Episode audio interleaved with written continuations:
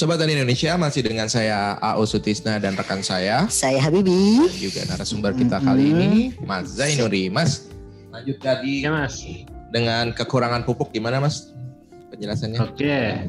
Jadi kalau untuk kekurangan pupuk itu tanda-tandanya atau ciri-cirinya bisa kita lihat dari daun sama buah. Mm-mm. Mm-mm. Ah, jadi mungkin eh, si Mas Ao kemarin nanamnya sebelum berbuah, tahu-tahu udah mati. Berarti nggak sempat ngamatin kan? Nggak sempat karena tinggal di Ah, Mas. nggak Oh, sempat iya, iya. ngamatin. Bisa jadi eh, kendala pertama Mhm. yang yang paling yang paling apa ya sering dilakuin sama eh, petani atau penghobi tanaman tabu lampot di rumahan Mm. Mm. itu dia sering lupa nyiram loh. Oh, Oh. iya. Eh, eh, jadi sering lupa nyiram atau malah keseringan Seringan nyiram. nyiram.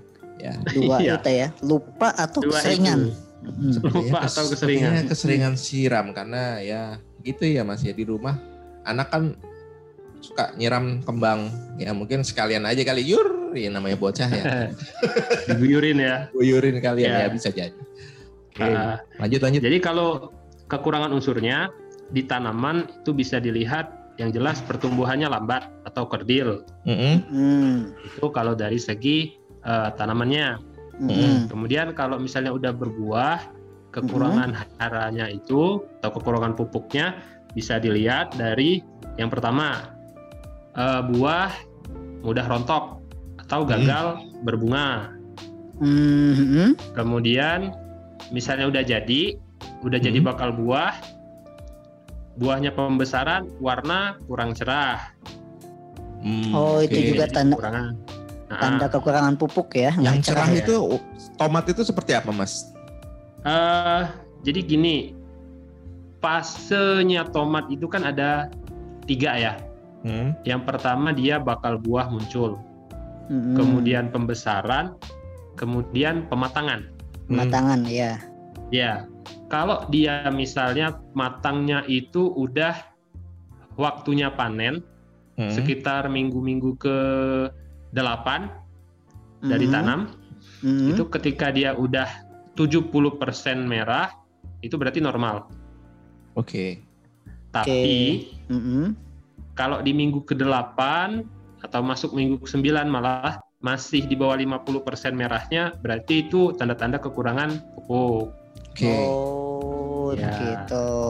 Iya ya. Nah, berarti nggak ada terus yang lagi, Hmm, lanjut lanjut ah, satu lagi yang paling eh, rentan sekali itu adalah buah pecah atau cracking. oh Pecah Iya, ya. Pecah. Hmm. Jadi Mm-mm. eh, di antara eh, daging buah itu Mhm. kulitnya membuka. oh gitu. Iya, iya, iya. Hmm, itu rata-rata kekurangan unsur kayak kalsium. Oke, sip sip sip. Nah, tadi kan Mas Zainuri nyebutin ya di bulan ke-8 atau menjelang 9 itu itu menjelang panen ya. Ya, panen perdana. Nah, kalau secara keseluruhan ya dari mungkin dari mulai tanam sampai panen itu berapa lama sih kalau tomat itu? Kalau normalnya ya. Ya, kalau normal ya. Hmm. Umumnya tomat sendiri itu siklus hidupnya dari tanam sampai habis Hmm, itu kurang lebih 120 hari. 120 hari. Ya, Nah. ya, 120 hari. Dan itu bisa eh, berbeda-beda tergantung varietasnya. Oh, kalau untuk Tergantung yang jenis, dataran rendah seperti di Jakarta ini? Nah, kalau untuk di dataran eh, rendah sampai menengah, ya, Mhm. cuacanya cukup panas, Hmm, itu rata-rata ya 120 hari. 120 hari. Ah, ah, 120 hari. Hmm, Oke. Yang jelas ketika tomat itu kurang lebih eh, 4 sampai 5 kali panen biasanya udah mulai tanda-tandanya udah mulai eh, pertumbuhannya terhenti. Oke, jadi normalnya si tomat ini ya bisa 4 atau lim- sampai 5 kali panen ya? Ya, Oh, mantap mantap. Biasanya panen keberapa yang paling banyak hasilnya tuh, Mas? Yang paling tinggi produksinya ya, Betul betul. ah. ah, ah, itu rata-rata di panen ketiga sama Panen keempat. ketiga. Oh, jadi ternyata bukan panen pertama ya? Bukan. Oh, Biasanya saya kan biasanya ngeliatin yang panen pertama itu yang wah gitu ya. Iya, ternyata mah bukan puncaknya ya. Bukan. Oh. Jadi kalau panen pertama itu Hmm. cuma janjangan pertama. Memang rata-rata merahnya eh, lebih menggoda. Iya kan soalnya kayaknya Ah, ah. buahnya bagus banget gitu ya. Heeh. Iya gede-gede. Hmm, Ah, Tapi- tapi produksinya itu baru awal. bukan puncaknya ya ternyata. Bukan. Oh begitu. Ya.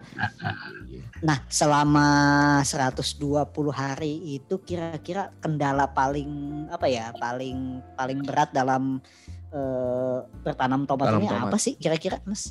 Obstacle. Em, kalau kita runut lagi dari apa ya hmm, kegagalan panen yang sering dialami sama teman-teman, Hmm, atau kegagalan tanam lah iya, kegagalan tanam, mm, itu karena tomatnya layu, Ayu. Hmm. layu, layunya bisa karena kekeringan Hmm. atau bisa karena jamur, Jamur oke penyakit ya. ya penyakit. Hmm. awalnya muncul jamur itu karena tanah yang terlalu lembab dan padat. Hmm. Makanya waktu kita persiapan media tanam, kita butuh em, apa namanya kayak aya- arang sekam, sekam bakar ataupun sejenisnya Hmm. supaya ada porositas tanah. Jadi air nggak menggenang. Oh jadi itu fungsinya sekam tadi ya? Iya. Oh iya iya iya. Nah, Terus? Terus lagi kalau yang selain itu ya paling hama ya. Kalau hama kan kalau ditanam sekitar pekarangan rumah dia nggak terlalu banyak sih ya. Mm-mm. Paling kalau kita lihat tiap pagi kita kontrol tiap pagi ketika ada ta- hama kayak ulat atau apa kan kita bisa eh, bisa seleksi, kita bisa basmi secara manual aja pakai tangan Mhm. kayak gitu kan. Mm-mm. Karena yang namanya tanaman di pekarangan rumah kita kan pengennya ya bebas residu ya Mm-mm. karena mau dikonsumsi sama keluarga gitu kan Iya Mm-mm. betul. eh selebihnya nggak ada sih nggak ada kendala yang cukup berat gitu Kalau masalah tanaman tomat itu suka ambruk itu gimana tuh? Apakah kurang unsur hara atau kelebihan atau gimana tuh? Eh, rata-rata teman-teman atau sobat tani yang nanam di rumah Mm-mm. kadang kan dia mikirinnya gini batang tomat itu bisa berdiri kokoh dengan sendirinya Mm-mm. jadi nggak dikasih ajir Eh, emang harus pakai ajir ya? harus Oh, wajib. Mm-mm. Jadi boleh dikasih ajir kurang lebih eh, tingginya kurang lebih satu meter lah gitu. Mm-mm. Nah, terus ditali di batang utama.